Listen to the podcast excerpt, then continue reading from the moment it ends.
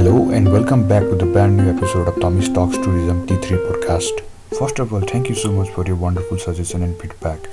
यो एपिसोडलाई अघि बढाउँदै गर्दा सर्वप्रथम त म नेपाल टुरिज्म बोर्डलाई धेरै धेरै धन्यवाद दिन चाहन्छु विशेष गरी उहाँहरूले यो विपदको समयमा गर्नुभएको अति नै प्रशंसनीय कामको लागि एनटिपीको टिमले नेपालका विभिन्न ठाउँमा लकडाउनका कारण अड्किएका सयौँ पर्यटनहरूलाई सकुशल काठमाडौँमा ल्याई सम्बन्धित एम्बेसीले सम्पर्क गराउने काम गर्नुभएको थियो यो अति नै प्रशंसनीय कदम हो। यसैबीच मैले नेपाल लकडाउनमा जानु अघि विभिन्न पर्यटन कर्मीसँग कोरोना भाइरसले नेपालको टुरिज्ममा ल्याएको असरको बारेमा कुरा गर्ने मौका पाएको थिएँ। जस अन्तर्गत हानका अनुसार नेपालको होटल व्यवसायले मार्चको मध्यान्तरसम्म आउँदाखेरि एक अर्ब अस्सी करोडको चाहिँ घाटा बिहोरिसकेको जानकारी पाएको थिएँ। त्यसै गरी एयरलाइन अपरेटर एसोसिएसन अफ नेपालका प्रवक्ता युवराज कडेलले चाहिँ नेपालको डोमेस्टिक एभिएसनले मात्रै लगभग आठ अर्बको घाटा बिहोरेको जानकारी दिनुभएको थियो। घाटा प्राणका अनुसार देशभरिका ट्रेकिङ र ट्राभल एजेन्सीहरूले शत प्रतिशत घाटा बिहोर्नु परेको जानकारी दिनुभएको थियो। सो आज यही विषयलाई लिएर मैले नेपाल टुरिज्म बोर्डका नवनियुक्त सिइओ धनञ्जय रेग्मीसँग नेपाली पर्यटनले बिहोरेको क्षति र सरकारले पर्यटन कर्मीलाई सघाउन के कस्ता रणनीति लिएको छ भनेर सानो अन्तर्वार्ता लिने मौका पाएको थिएँ। सुनौ एनटिभीका सिइओ धनञ्जय रेग्मीसँगको यो छोटो कुराकानी।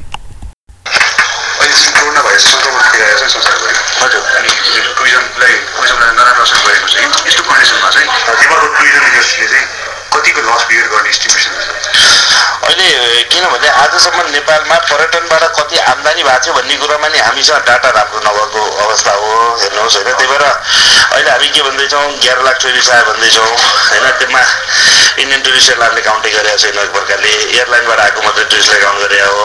त्यही भएर हामी अनि इन्डियन टुरिस्टको कन्ट्रिब्युसन नेपालको इकोनोमीमा ठुलो छ होइन? रियल यदि हामीले बुझ्नुपर्ने हो भने मैले के भन्दैछु नेपालमा एघार ठाउँमा इन्डियासँग जोडेको हामी दसवटा ठाउँ र अरे नौवटा ठाउँ र यहाँ चाइनासँग जोडेको दुईवटा पोइन्टमा जहाँ रोडबाट पनि मान्छेहरू आउँछ त्यो ठाउँमा चाहिँ हामीले एउटा काउन्टिङ सिस्टमै एउटा रिलायबल काउन्टिङ सिस्टम राख्नुपर्छ। अहिले हाम्रो इन्डियन सङ्ख्या के छ भने एउटा तिसजना चढ्ने बस आयो भने तिसजना सिट लेख्छौँ भित्र पाँचजना पनि हुनसक्छ दसजना पनि हुनसक्छ होइन? अब एउटा सात सिटे कुनै गाडी आयो भने सेभेन सिट छ भने सातैजना लेख्ने गरेको छ क्या त्यसरी काउन्ट गर्दाखेरि मिसइन्टरप्रिटेसन छ। त्यही भएर अहिले हामीले टुरिज्म सेटेलाइट एकाउन्ट भनेर नेपालको इकोनोमीमा पर्यटनबाट के कति कन्ट्रिब्युसन भएको छ त्यो जान्न। र पुरै बोर्डरबाट चाहिँ पनि आम्नी पर्यटकहरूको गणना गर्नलाई यो अब हामी आर्थिक वर्षबाट यो काम सुरु गर्ने भने अहिले हामी कसरी जाने भनेर मैले यहाँ प्रत्येक बोर्डरको ठाउँमा नेपाल पर्यटन बोर्डले स्थानीय सरकारसँग मिलेर एउटा काउन्टिङको लागि एउटा अफिसै खडा गर्ने र त्यसमा चाहिँ पर्यटन बोर्डबाट चाहिँ नै मैले तिन तिनजना स्टाफका धुन्धरले चाहिँ हटाइदिने र काम गर्ने भन्ने सोचाइ ल्याएको छौँ होइन। त्यो भयो भने अब भोलिको दिनमा सुधार हुने होला। र आज के प्रभाव परेको छ इकोनोमीमा भन्दाखेरि हामीले के गर्यौँ अहिलेलाई रियालिटी कसलाई थाहा हुन्छ भने जुन हामीसँग अहिले विभिन्न होटल गर्नेको होटलको हान छ ट्रेकिङ गर्नेको टान छ होइन ट्राभल टुरको चाहिँ नाटा छ त्यस्ता संस्थाहरूलाई तपाईँहरूको आफ्नो क्षेत्रमा के कति लस भएको छ त्यसको फाइनल फिगर मलाई लिएर आउनुहोस् भनेर चाहिँ भनेको छु। र उहाँहरूले आफ्नो क्षेत्रको आफ्नो भित्र बसेर चाहिँ छलफल गर्दै हुनुहुन्छ निकाल्दै हुनुहुन्छ त्यो। किनभने एउटा इन्डस्ट्रीमा एउटा होटलले भएन सबैको निकाल्नु पऱ्यो त्यो लस निकालेर र अकुपेन्सी कति घटाएको छ भनेर हेर्दाखेरि उहाँहरूको अब साठी सत्तरी पर्सेन्ट अकुपेन्सी लो भइसक्यो। अरू कतिले त नाइन्टी पर्सेन्ट अकुपेन्सी नै कम भइसक्यो। हामीसँग सबभन्दा ठुलो समस्या के हो भने आज हामीसँग होटल हानमा आबद्ध भएका होटलकाहरूको सङ्ख्या छ होइन? तर सानसाना स्तरमा जुनले चाहिँ अब विभिन्न प्रोभिन्सहरूमा अरू भएका जिल्लाका सानोतिना होटलहरूको चाहिँ हामीसँग एक्चुअल नम्बरमा कति र तिनको ब्याड सङ्ख्या कति हो भन्ने पनि थाहा छैन। त्यो मध्ये कति त नेपाली पर्यटकमै भर पर्ने हुन् कति चाहिँ विदेशी पर्यटकमा भर पर्ने होटलहरूको पनि रेलमा त्यो डाटा कलेक्सन गर्न टाइम लाग्छ। क्या यो मेसिनरी यो यो एउटा सिस्टम जुन हो नि हामीले अहिलेसम्म डेभलप नगरे बसेको चिज रहेछ। अहिले क्राइसिस आयो क्राइसिसमा आएर हामी एउटा सिस्टम के हुन्छ भनेर खोज्दैछौँ।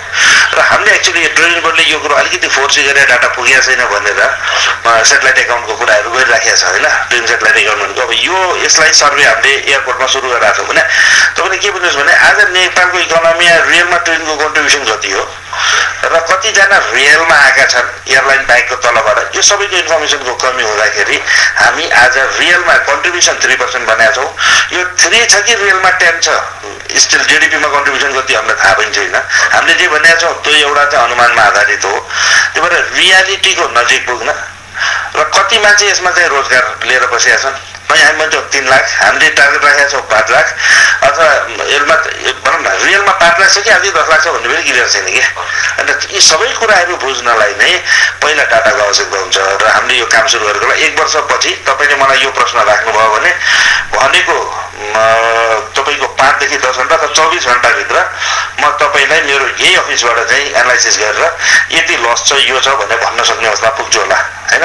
एक अथवा ढिलो भयो भने डेढ वर्ष। नभए भने अहिले नै तपाईँले भनेको प्रश्नको म यसै भन्दिनँ तर साथीहरूको भनाअनुसारले अकुपेन्सी भेरी घट्यो। जति पनि यो बस किनेर बस व्यवसायीहरू साथीहरू छन् उनीहरूकोमा पनि अहिले पर्यटकै नभइसकेपछि बस थन्केर बसेको छ। ट्रेल र अब क्लाइम्बिङ गभर्मेन्टले एक प्रकारले क्यान्सलै गरिसकेपछि त्यो क्षेत्रमा भएको चाहिँ साथीहरू त्यसले नै पीडित छन्।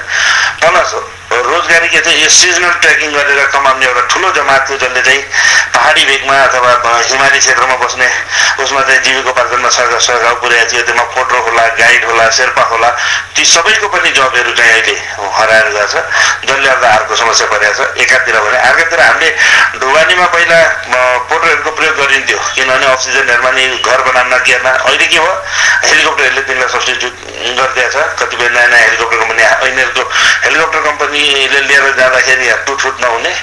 भनेको बेला छिटो पुग्ने हुनाले त्यतातिर बढी मान्छेहरू दुई पैसा महँगो परि आकर्षित भएको छ त्यसले गर्दा रोजगारी कटौती भएको छ। त्यो त समग्रमा भन्नुहुन्छ भने अहिलेको कोरोना भाइरसपछि नेपालको अर्थतन्त्रमा नराम्रोसँग असर परेको छ। र यसो चेन इम्पेक्ट चेन इफेक्टहरूको कुरा गरौँ क्या अब। पर्यटन मात्रै होइन नि पर्यटनमा थियो खाद्य वस्तुहरूको खरिदको कुरा हुन्थ्यो त्यो घट्ने भयो। त्यो खाद्य वस्तुको खरिद कम भयो भनेपछि पक्कै पनि त्यो पाउडर जुन बजार के अरे खेतबाट बेच्ने पाउडरको मूल्य घट्ने भयो। किसानदेखि तपाईँको अन्तिम त्यसलाई चाहिँ बेच्ने रेस्टुरेन्टसम्म सबै असरमा परेको हुन्छ कि अब? होइन यसो साइक्लिक इफेक्ट आउला।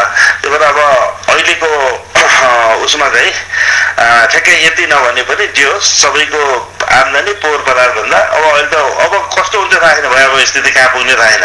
अब त हामी अनगोइङ प्रब्लम प्रब्लमको फेजमा छौँ। रिकभर हुन कति टाइम लाग्छ विडोन्ट नो अथवा कहिले बन्द हुने नै थाहा छैन we don't know how long it will continue त्यो पछि रिकभरीको पिरियडको कुरा भयो नि होइन? किनभने हामीले फिनिस भयो भने डब्लुएचओले भनिसक्दा पनि आज जुन मान्छेहरू अनइम्प्लोय भएको छ त्यो मान्छेले फेरि अर्को ट्राभलको प्लान बन्न उसले केहीसँग काम गरेर पैसा जम्मा गरेर अहिले यो पिरियडको लाइबिलिटिजहरू तिरेर ऊ फिनेन्सियली स्ट्रङ भएपछि मात्रै प्लान होइन? र मलाई लाग्छ यो यो अहिलेको सङ्क्रमण फेरि नेपालको अर्किकसँग मात्रै अर्किक जस्तो प्रब्लम होइन। जुन चाहिँ नेपालमा मात्र थियो। सबैले how we can support Nepal भन्ने हेर्थ्यो नि। दिस ए ग्लोबल क्राइसिस सबैको आफ्नै समस्या छ। जो हामी भन्दैछ हामी डोमेस्टिक पर्यटनलाई विकास गरौँ। प्रत्येक कन्ट्रीले अभियसली लिने हो। उनीहरूले पनि विदेश जाऊ भने भन्दैन। बेलामा बरु हामीले आजैदेखि हामीले पनि हाम्रो पनि आठ लाख आउटबाउन्ड थियो। त आउटबाउन्ड हुनेलाई नेपालमै घुमिदिनुहोस् भन्ने होइन भनेर चाहिँ अलिकति गऱ्यो भने अब यसलाई चाहिँ जोइन्ट एउटा प्रोग्राम बनाएर चाहिँ अगाडि बढ्नुपर्छ भन्ने छ। त्यही भने जिडिपीमा थ्री पर्सेन्ट कन्ट्रिब्युसन छ भने जति पनि फरेन एक्सचेन्ज तपाईँको रेमिटेन्सबाट आउने बाहेक स्पेसली जुन यो लेबर लेबर्सबाट आएको पैसा भन्दा बाहेकको चाहिँ विदेशबाट आउँदाखेरि रेमिटेन्स कम्पनीहरूमा पठाउन उसमा बाइक पाइँदैन ब्याङ्कमै पठाउनु पर्ने हुनाले ब्याङ्किङ च्यानलबाट आएको कति फिगर थियो एक्चुअल मलाई पनि थाहा छैन है नभएको कुरा। तर त्यसमा चाहिँ अब अकुपेन्सी टेन पर्सेन्टमा पुगेको छ ट्रेकिङ सबै जिरो भएको छ भन्यो भने नाइन्टी पर्सेन्ट गिरावट भएको त त्यसै सोझै अनुमान गर्न सक्यो। स्पेसली द फरेन अनि यो यो कुनबाट भने फेरि यो फरेक्सको उसमा क्यालकुलेट नगरिदिनु होला। जस्तो लेबर मार्केटबाट आएको फरक हो होइन? त्यो मैले टुरिज्मबाट भनेको। त्यसमा चाहिँ नाइन्टी पर्सेन्टै कमी आएको हुँदाखेरि हाम्रो जति पनि पर्यटनमा जानु भिसा गर्नेहरू हुन्छ उहाँहरूले चाहिँ संसारभरि अमेरिकाले अस्ट्रेलियाले क्यानाडाले सबैले एउटा स्टिमुलस प्याकेज दिइरहेको छ हजुर हजुर हजुर उहाँलाई सपोर्ट गर्नको लागि हाम्रो यहाँको उही पेसागत मान्छेहरू उहाँहरूले चाहिँ डिमान्ड गर्नुभएको स्टुडेन्ट प्याकेज जस्तो उहाँहरूले ब्याचमा करिब मलाई ब्याचको टाइमलाई चाहिँ साथ दिनु इन्सुरेन्स चाहिएर साथ दिनु त्यसै गरेर अरू कुरा पनि के अरे हाम्रो इम्प्लोइहरूलाई पनि अब अनपेड लिएर बिदा दिने पर्मिसन दिनु भन्ने जुन डिमान्ड गर्नुभएको छ जति पनि अरू पनि उहाँहरू त्यो भन्थे तपाईँले के लाग्छ सरकार सक्षम छ दिनको लागि होइन अब यस्तो सरकारको पनि आम्दानीको स्रोत हाम्रै ट्याक्स हेर्नुहोस् होइन? रेमिटेन्स थियो रेमिटेन्स घटेको छ। हामीले तिर्ने ट्याक्स थियो व्यापार नभए ट्याक्स कहाँ तिर्नु होइन? कमाएर नै तिर्ने हो होइन? ट्याक्स पनि कम हुने। यता सरकार चाहिँ इन्सेन्टिभ पनि खोज्नु भन्नेको चाहिँ कता कता भनौँ न सरकारै फेलियर हुने स्टे स्टेटमा पुग्न सक्छ नि त्यो हुँदाखेरि होइन? यो बेला भनेको सबैले माग्न यो माग्ने भनेर सबै दिने लिनै सक्नु पऱ्यो नि त। होइन? भएर योमा ब्यालेन्स भएर मैले के भनेको भने सरकारलाई नि सजिलो हुने गरी माग्नुहोस् भनेको छु। मैले पढेन त्यसका साथीहरू अब हामी यहाँ बस्दाखेरि मैले खास गरेर यो प्राइभेट सेक्टरको साथीहरूका समस्याहरूलाई बुझेर उहाँहरूका समस्याहरूलाई कसरी कम गर्न सक्छु कसरी मैले अन्तर्राष्ट्रिय स्तरमा धेरैभन्दा धेरै प्रचार गरेर धेरैभन्दा धेरै प्रडक्ट ल्याइदिएर उनीहरूको बिजनेसलाई सपोर्ट गर्न सक्छु भन्ने मेरो मूल उद्देश्य यहाँ हो होइन? तर अब यो क्राइसिस ग्लोबल क्राइसिसमा नेपाल गभर्मेन्ट आफै एउटा क्राइसिसमा छ। त्यसबाट उहाँहरूका डिमान्ड भनेका पनि अब जुन छ जेटपा भन्दा नि मैले उहाँहरूलाई अथवा अस्तिको उच्च स्तरीय जुन मन्त्री स्तरीय एउटा समिति गठन भएको छ त्यहाँ पनि उहाँहरूले चाहिँ कुरा राख्छु भनेकोले मैले यहाँबाट पहिला उहाँहरूका कुरा सुने। मैले त्यसमा चाहिँ यत्रो नगरौँ भन्दा उहाँहरूले होइन हाम्रो यो सबै माग पुरा हुनुपर्छ भने चाहिँ मैले त्यो मागलाई जस्ताको त्यस्तै चाहिँ मन्त्रालय पठाएँ। मन्त्रालय गइसकेपछि अब पर्यटन मन्त्रीको पनि हातमा के हुन्छ भने पर्यटनको विकास हो। इन्सेन्टिभ दिने त अर्थ र फेरि राष्ट्र ब्याङ्कका कुराहरू भए अर्को मन्त्रालयको मार्फतमा जाने हुनाले। अनि त्यसमा जानुभन्दा अगाडि उहाँले अहिलेको यो सङ्कटसँग लड्नलाई बनाइएको मन्त्री स्तरीय उच्च उप प्रधानमन्त्रीको संयोजकमा बनेको हो। त्यो त्यो समिति त्यहाँ लिएर गएर चाहिँ कुरा राख्नुहोस् भन्ने कुरा हाल्नुभयो। त्यहाँ गएर मैले चाहिँ एकल रूपमा गएर उहाँहरूका कुरा राख्न खोज्दाखेरि होइन साथीहरूको सबैको चाहिँ आफैले चाहिँ आफूहरू बोल्न पाए हुनु आफ्नो भन्न पाए हुन्थ्यो भन्नुभयो। हुँदा हामीले यहाँ नेपालका हामीसँग आबद्ध हामीसँग सहकार्य गरिरहेका तिसवटा जति संस्थाहरूका साथीहरूलाई बोलाइदिउँ उहाँहरू गएर त्यहाँ आफ्ना कुराहरू राख्नुभयो पालै पालो अब प्रधानमन्त्रीजीले सबैको कुरा सुन्नु पनि भयो। तर कुरा के भयो भने उहाँहरूले मागेको कुरोमा ब्याज पनि मिलाउनु पर्यो प्रिमियम नि तिर्न नपर्यो हुँदो अब सहुलियत ऋण पनि उहाँहरूलाई नै चाहियो। अब कुनै पनि कर सर केही लाभ नै नपाइने भने अब सबै अनि कर्मचारीलाई नि पालिदिन पर्यो तिनको ट्रेनिङको व्यवस्था नि गर्न पर्यो। र जति पनि हिजो यो वर्ष हामीले धेरै कमायौँ यो वर्ष बढी ट्याक्स तिर्छु भनेर साथीहरू पनि आएनन् होइन? त्यो समग्र रूपमा हेर्नुपर्छ नि। र कमाउने बेला कमाएको भनेको बिजनेस गर्ने मान्छेलाई क्राइसिस आउँछ होइन? क्राइसिस फेरि देशदेखि एउटा बिजनेसलाई मात्रै होइन होल देशलाई मात्रै होइन ग्लोबली क्राइसिस छ। यो बेलामा मैले भनेको माग्ने कुरा एउटा संयमित भएर कति हुँदाखेरि हामीलाई पुग्छ? जस्तो आज तेह्र पर्सेन्टको इन्ट्रेस्ट रेट बढी हो यदि राष्ट्र ब्याङ्कमा रिजर्भ पैसा पनि छ हामीलाई दिनु परेन डाइरेक्टली सबैले उनीहरूले वाणिज्य ब्याङ्कहरू अथवा अरू ब्याङ्क कमर्सियल ब्याङ्कहरूसँग राष्ट्र ब्याङ्कले सल्लाह गरेर मन्त्रालयले कुरा गरेर ल पर्यटनमा भएका साथीहरूको पर्यटनसँग सम्बन्धित कम्पनीमा भएको ऋणलाई तेह्र पर्सेन्टबाट आठ सकिन्छ कि सात सकिन्छ कि पाँच सकिन्छ कि दुई कि मिना गर्न सकिन्छ? त्यो उतै निर्णय गरिदियो भने भोलि बिहान मलाई त एउटालाई पुगेन नि। पर्यटन सबैलाई एकैचोटि त्यो इन्सेन्टिभ दियो। त्यो त्यो गभर्मेन्टले दिन सक्ने चिज हो क्या। होइन किनभने त्यो चिजमा चाहिँ कमर्सियल ब्याङ्कले अरब यति अरब र उति अरब वर्ष कमायो भनेर देखाउने। त्यो कसले कमाएको? यही पर्यटन व्यवसाय लगायतका अन्य उद्योगीहरूले कमाएर चाहिँ तिरेको उसबाट कमाएको। उनले एक वर्ष यो क्राइसिसमा नकमाइ बस्न सक्दैन। अथवा बिजनेस हो उनको भने पनि अरू सबै बिजनेसले लस गर्नुपर्ने। फाइनेन्सियल बिजनेस कमर्सियल ब्याङ्कहरूले मात्रै अलवेज प्रफिट किन? एक दुई अरब रुपियाँ यो फेरि घाटा खाएर पनि त देखाइदिउँ न त। होइन? क्राइसिसमा त एकअर्कालाई सपोर्ट गरेर नजाने भने सम्भव छैन। त्यही भएर मैले नै कमर्सियल ब्याङ्क होइन? मैले दिइरहेको इन्ट्रेस्ट रेट कमाउनेले कमाइराखेको छु ठिकै छ नि त भने अरूलाई गाह्रो पर्दा बिचोर्नु नि भएन होइन? त्यही भएर मैले त गभर्मेन्टसँग हामीले माग्ने पनि एउटा लिमिटमा माग्ने हो। गभर्मेन्टले दिन सक्ने यस्तो बेलामा दिनु नै पर्छ। सबै कन्ट्रीका चाहिँ यति अरब र उति अरबको प्याकेजमा आएको छ। नेपालमा यति धेरै छ कि तपाईँको फेरि यति धेरै सङ्घ संस्था ऊ छ। हाम्रो राम्रो मोनिटरिङ डाटा सिस्टम नभएकोले कसलाई दिँदाखेरि कोही तल पर्ला कोही माथि। दिने ऋणीलाई हो जसले क्यासमा व्यापार गरेर त्यसलाई ठुलो समस्या पर्दैन जुनले लिएर कामै राखेको छ जसको ऋण छ ब्याङ्कमा भिजिबल ऋण जुन छ जुन लिगल ऋण छ त्यसलाई एड्रेस गभर्मेन्टले गरिदिन सक्छ त्यसलाई चाहिँ एक वर्षलाई बाह्र वर्षको लागि तेह्र वर्ष लोन पिरियड गरिदिएर यो वर्ष लोन प्रिमियम केही पनि नलिदिने इन्ट्रेस्ट प्रिमियम केही नलिने भन्ने प्याकेजमा ल्याइदिए पनि it's this can be address अनि यसमा प्रत्येक व्यक्तिलाई एड्रेस गर्नु पर्ने क्या with one decision it can be done and can be applied everywhere in Nepal होइन so government need to really think very seriously about this problem र they should come with the like a very good relief समस्या नभएन समस्या छ त्यसलाई चाहिँ गभर्मेन्टले सकेको address लोनमा र मलाई लाग्छ लोनमा नै हो र प्रिमियम र लोन तिर्न तिर्न इन्ट्रेस्ट तिर्न नपऱ्यो भने अथवा एउटा एउटा इफ सम प्याकेज जुन भेरी पोसिबल त्यो छ कमर्सियल ब्याङ्कहरूले पनि they should come up with some package उनीहरूले एक वर्ष प्रफिट नखाँदा केही समस्या पर्दैन र तिन महिनाको भाडा नउठाउने हो भने यदि कुनै डुबेछन् भने त्यो कुरो छुट्टै